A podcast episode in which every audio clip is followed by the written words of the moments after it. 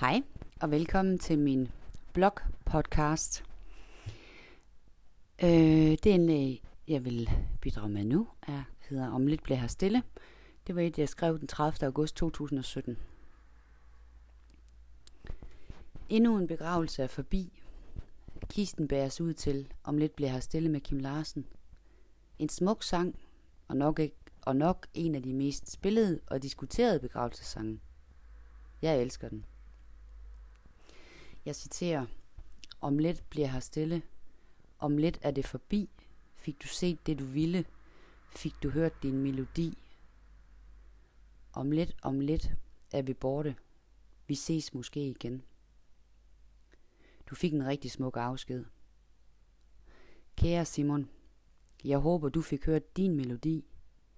Jeg håber du nåede mange af de ting du drømte om, selvom dit liv blev alt for kort. På et tidspunkt blev din vej meget stejl, og du kom til at sidde fast på toppen.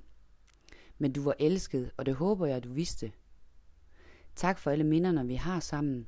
Alle de sjove stunder. De er om end endnu mere vigtige at huske på nu. Jeg synes pludselig, jeg er meget stille. Den der larmende stillhed, der altid kommer i forbindelse med en sov.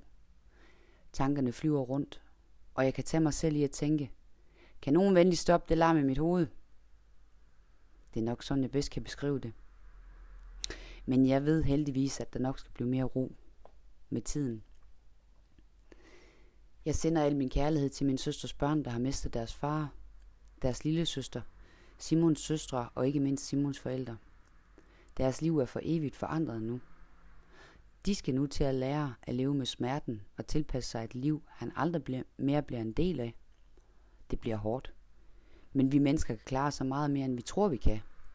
Jeg ved, de klarer den. Også de dage, hvor det bliver rigtig, rigtig stille. Farvel, Simon. Dine tre smukke børn lever videre i dig. Og tak for alle minderne.